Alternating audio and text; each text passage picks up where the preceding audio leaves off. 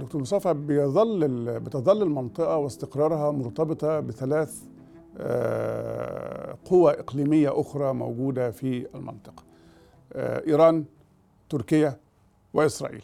وطبيعة العلاقة البينية بين الدول العربية وهذه القوى الثلاث وطبيعة العلاقة بين هذه القوى الثلاث وبعضها البعض بتحدد لدرجة بعيدة حالة الاستقرار في المنطقة. وبنبدأ مع إيران.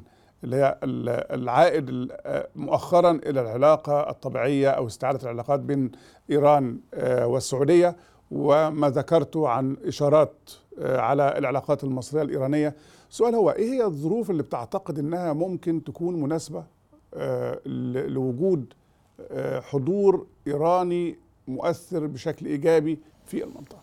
هذا سؤال هام جدا لأنه زي أنت ما تفضلت الدول الثلاث إيران وتركيا وإسرائيل علاقتها متفاوتة مع الدول العربية المختلفة وصورتها مختلفة في العقل العربي في هذه الدول. وبالتالي لابد من تفكير عربي مشترك.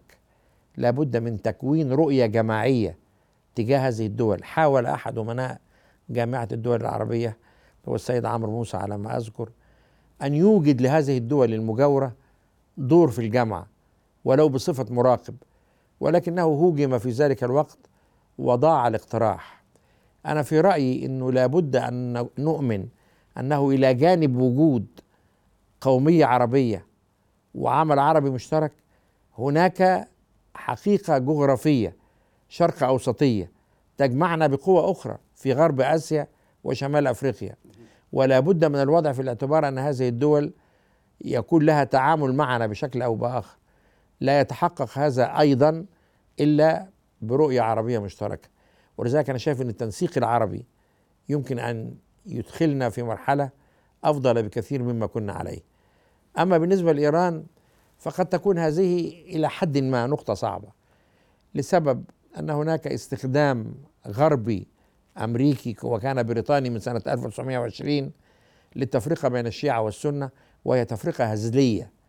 وكما قلت دائما قال لي رئيس إيران من قبل في القاهرة محمد خاتمي بعد أن ترك السلطة كيف نقول أن هناك سنة وشيعة؟ إننا جميعا مسلمون ديننا واحد نبينا واحد كعبتنا واحدة قبلتنا واحدة أركان ديننا واحدة. الخلاف خلاف تاريخي حول بعض الصحابة. هؤلاء يتحمسون للسيدة عائشة ولعمر بن الخطاب وهؤلاء لا يتحمسون لهم ويتحمسون للإمام علي. ونحن نرى أن هذه الخلافات خلافات تاريخية لا يمكن أن تنعكس على الحياة السياسية. ولكنها و... انعكست. وانعكست إلى حد كبير جدا. ودفعنا ثمنها غاليا. مالأ الإنجليز السنة سنة 1920 وتركوا العرش العراقي للسنة.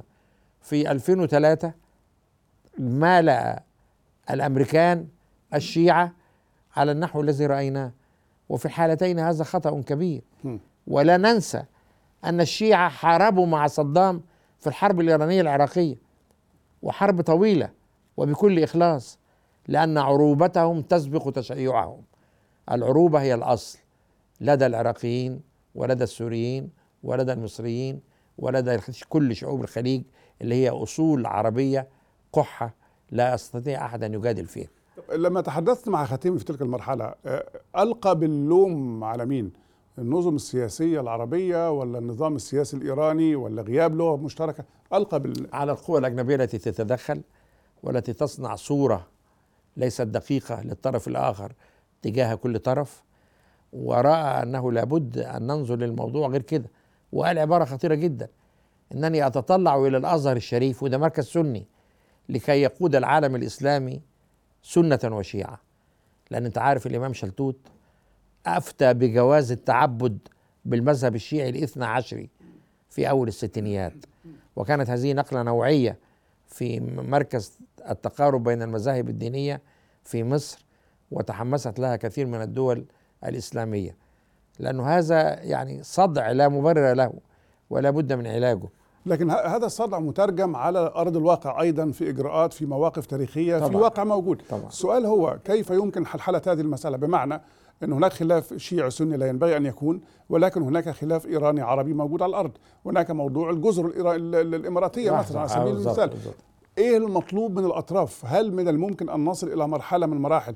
حل هذه المشاكل أم تجميدها أم تاجيلها أم التفاوض تفوض يجب الفصل بين ما نتوهمه من اختلاف وجهة نظر دينية تاريخية وبين هذا الواقع السياسي الموجود حاليا. الأستاذ نبيه ببري اللي هو رئيس البرلمان اللبناني حكى لي مرة إنه كان عنده مدرس مصري جاي في البعثة الأزهرية. كان يأخذهم كل يوم جمعة يا إما لمسجد سني أو لحسينية شيعية. حتى يشعر الجميع سنة وشيعة أن الدين واحد وأن الإسلام للجميع.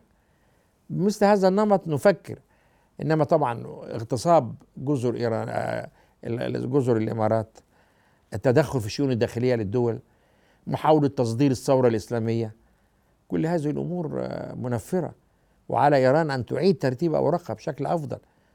ثم إن صورتها أيضا في آه، إعدام كل من يتظاهر. وهذا البطش الشديد الذي لا يتفق مع سماحة الإسلام يدعونا لكي نقول لهم لا. لا يجب أن يكون هذا هو النمط في التعامل. ولا تجرني إلى خارج دائرتي العربية المعتدلة. يعني لا يمكن. هل تعتقد إن التقارب الإيراني السعودي آه، الحادث آه، يمكن أن يكون بداية لإنهاء آه، حرب اليمن؟ آه هذا هذه الحرب التي بالتأكيد حتى بدأت ظواهر مظاهر الحلحلة للمشكلة اليمنية بعد إعلان استئناف العلاقات بين الرياض وطهران. لأنه الحوثيين بغير الدعم الإيراني لا يستطيعون أن يفعلوا ما فعلوه على الإطلاق.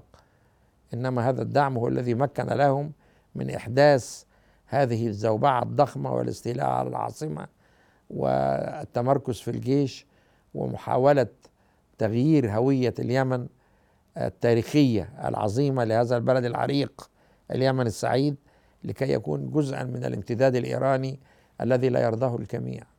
طب وفيما يتعلق بالوضع بلبنان هل ممكن أيضا أن يتأثر أو تتأثر علاقة حزب الله بلبنان؟ أم المسألة شوية؟ حزب الله هو صاحب ما نسميه الثلث المعطل يستطيع أن يوقف مسيرة أي حدث في لبنان كما هو معلوم. نريد له أن يفتح الباب لاختيار رئيس للدولة بدلا من هذا الفراغ الدستوري الواضح. وأنا شخصيا سمعت من وزير خارجية من من رئيس وزراء في القمة العربية وكنت هناك يتحدث رئيس وزراء لبنان وقال إن شغور أي فراغ منصب رئيس الجمهورية هو جزء من الهموم الأساسية التي تقف دون حل مشكلات لبنان. فوجود رأس للدولة مستقرة مقبولة من كل الأطراف سوف يكون له تأثير إيجابي بالتأكيد في وقت من الأوقات أحد المسؤولين الإيرانيين كان فاخر بأنهم يتحكمون في أربع صحيح. عواصم عربية صح, صح. هل تعتقد أن إيران عندها استعداد للتنازل عن هذا الإحساس بالقدرة والسيطرة والإدارة هل بتعتقد أن هناك إمكانية لدفعها للضغط عليها لإعادة هذه المسألة لوضع طبيعي في العلاقات بين الدول يعني إذا كانوا يجازفون بعدم الاهتمام ب 22 دولة عربية وبالواقع الموجود في المنطقة وهذه الدول يكون من ضمنها سوريا بحيث نطالب إيران بالتعامل الجديد مع الدول العربية. صفحة جديدة لا نريد لها أن تكون موجودة. يعني مصر ليس لها علاقات دبلوماسية كاملة مع إيران منذ عشرات السنين من ثورة 79 الثورة الإسلامية. هذا الأمر يعني لا يستقر. دولتان كبيرتان في المنطقة وأنا شخصيا ذهبت إلى إيران في زيارة غير معلنة سنة 2002 وقابلت كل المسؤولين منهم نائب رئيس الجمهورية وتأكد لي أنه لا يوجد أسباب حقيقية بخلاف موضوع الشارع اللي مسمى بشارع من اغتال رئيس السادات والصورة الكبرى المحطوطة هناك ووافقوا معنا على تغيير اسم الشارع ثم فوجئنا بهم مصممين على بقاء الصورة للإسلامبولي قاتل السادات وهو يرفع القرآن بيد ويقول أنا الذي قتلت الفرعون. ما الفائدة؟ يعني لابد من حسن النية. هم لا يكملون الطريق إلى نهايته. هذه هي الملاحظة الأساسية في العلاقات العربية الإيرانية. إذا كان الإيرانيون آه، آه، لا يكملوا الطريق إلى نهايته آه، فماذا عن إسرائيل التي أصبحت الآن تتمتع بعلاقات مع أكثر من دولة عربية وتسعى إلى تطوير علاقاتها في مع دول أخرى؟ هل تعتقد أن هناك وسيلة طريقة لاستخدام العلاقات خلينا نسميها المصرية الإسرائيلية الإماراتية الإسرائيلية الأردنية حتى الإسرائيلية؟ هل من الممكن إيجاد صيغة للاستفادة بهذه العلاقات لتطويرها للحلحلة للوصول إلى تهدئة مش عايزين مش هنوصل حتى لزيرو مشاكل كما تتردد هذا التعبير مؤخرا بس على الأقل لبدايات الحل لبدايات الحركة لبدايات الخروج من حالة ال- ال- ال- ال- الدائرة المفرغة اللي إحنا بندور فيها منذ سنوات طويله. ذكرتني بالحدث الأخير على الحدود المصرية السورية الإسرائيلية حيث قتل جندي مصري مجند بالمناسبة أربعة إسرائيليين ثلاثة ماتوا في الحال وواحد مات بجراحة.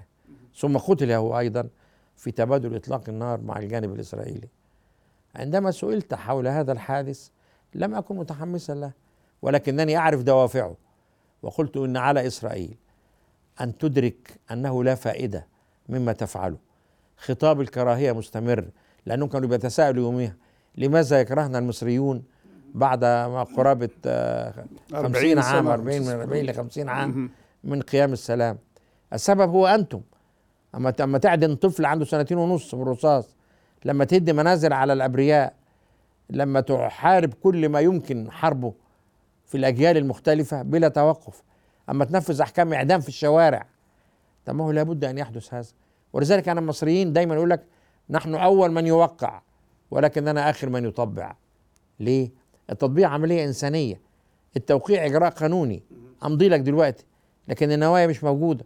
لكي تكتمل هذه النوايا لابد من الإحساس الحقيقي بالشعور المتبادل بين الدول. إذا كانت إسرائيل تريد أن تعيش في سلام في المنطقة ولها هذا الحق في ظل الظروف الحالية فإن عليها أن تدرك تماما أن العيش المشترك يحتاج إلى سياسة مختلفة تماما.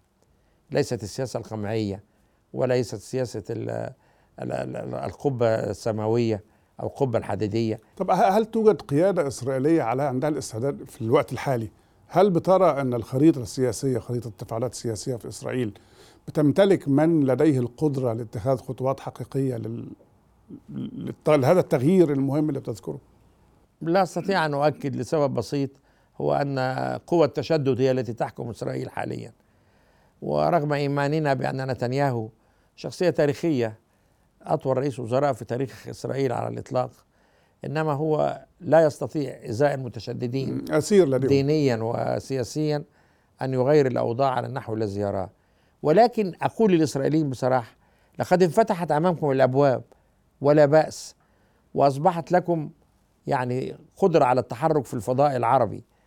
فما الذي هو يمكن أن يغير الوضع؟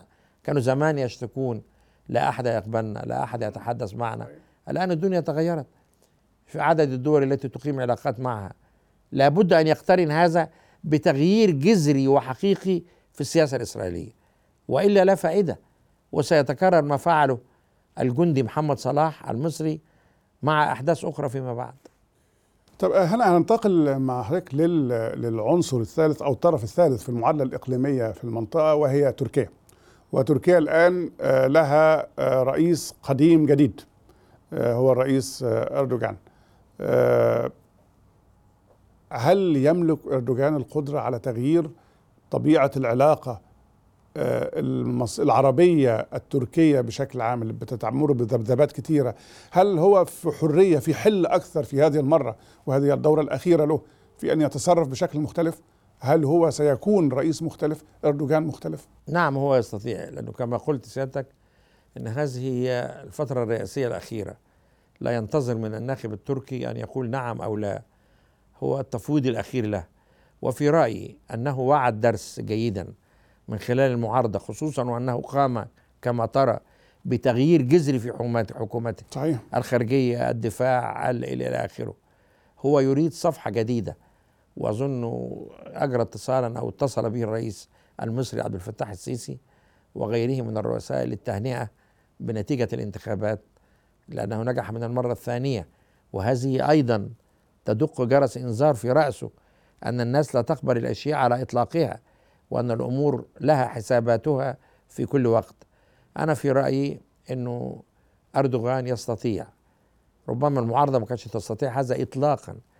أن يفتح أبواب وجسور مع الدول المختلفة. هيفتح مع مصر يفتح مع له علاقات جيدة مع قطر مع دول الخليج. آه، يستطيع أن يقيم جسور للتعاون مع موسكو وهو حريص عليها. وهو أيضا بقى رئيس دولة حلف أطلنطي. صحيح حلف الأطلنطي صحيح. ودولة محسوبة على الغرب سياسيا. فهذه القدرات مجتمعة تمكنه من اتخاذ موقف سياسي أفضل بكثير هو مما جاز زي ما. حضرتك ذكرت إن هو فكرة كمان وجود قوة سياسية يعتمد على قوة متجانسة هي قوة واحدة يمثلها آه، في الأغلبية غير المعارضة اللي هي عبارة عن ست أو سبع بالظبط. قطاعات متقاطعة وبالتالي بيمتلك أرضية بتمكنه بالفعل من اتخاذ قرارات يمكن أن تكون جريئة بس بيفضل السؤال من قراءة تاريخه من قراءة الأكثر من 20 سنة اللي فاتت اللي حكم فيها هل هذه الشخصية تمتلك القدرة على أن تتخذ قرارات كبيرة مغايره لما اشتهر به أو ارتبط به طوال الفترة الأخيرة. أزعم أنه يستطيع ولكن بالتدريج. يعني بالتأكيد هو لن يراجع نفسه بين يوم وليلة ويخرج من عباءة الإسلام مثلا. سياسي لا. إنما سوف يضع حدود لهذا. يعني لم يعد يسمح للتطاول على دولة مصر من أراضيه بالإذاعات والمحطات اللي كانت موجودة. آه، أبدى انفتاحا ولن تستغرب إذا رأيت الرئيس عبد الفتاح السيسي يقوم بزيارة رسمية لأنقرة الدنيا بتتغير والسياسة ليست ثابتة. وعلى فكرة ناس كتير بتلوم التحول السياسي. ده التحول السياسي دليل على الحيوية. السياسة الجامدة الدوجماتيك هي الأسوأ. إنما السياسة المرنة البراجماتيك هي الأقرب إلى الحقيقة. فأنا شايف إنه طب كيف يمكن للدول العربية ذات العلاقة القوية مع تركيا أن تساهم ت- كيف يمكن أن نسهل المهمه على آه، إردوغان. أولا تسوية العلاقات بين دمشق وأنقرة. هنا جزء كبير جدا ممن كانوا يعادون الأسد مدعومون من الدولة التركية. فلا بد من إحداث قدر من التواصل بين هذه الأجنحة المختلفة. الأمر الثاني هو لا بد أن يكون هناك فهم لدى الأتراك أن الدول العربية لها مواقف ولها قضايا ولها سياسات يجب أن تحترم. الدولة العثمانية لم تعد قائمة والمظلة ال- الإسلامية التي زعموا أنهم أصحابها غير مبررة لأن الشعوب العربية والإسلامية كلها استيقظت وتستطيع أن تفعل وأن تقرر ما تشاء. إنما حسنا حدث إنه جه أردوغان لو جت المعارضة كان في صعوبة أخرى. هيبقى بداية جديدة بعد لا البناء لا وكانوا ناويين طرد كل اللاجئين والنازحين. هتعمل مشكلة ضخمة مع سوريا مشكلة ضخمة مع هؤلاء الذين لا يجدون لهم مقرا ولا أرضا ولا وطنا. سوريا اتبهدلت بالمعنى الكامل. سوريا دولة حصينة قوية اتمزقت أنا كنت هناك مع أنا مع عمرو موسى كنت النائب بتاعه سنة 2009 شفت حاجة غريبة جدا. شفت دولة عندها اكتفاء ذاتي. المطاعم منتعشة الأضواء مضيئة الحياة رغدة. ليس عليهم مديونية مليم واحد. انظر. أين هم الآن. وانظر ماذا حدث لهم من أول أحداث درعا في 2011 حتى الآن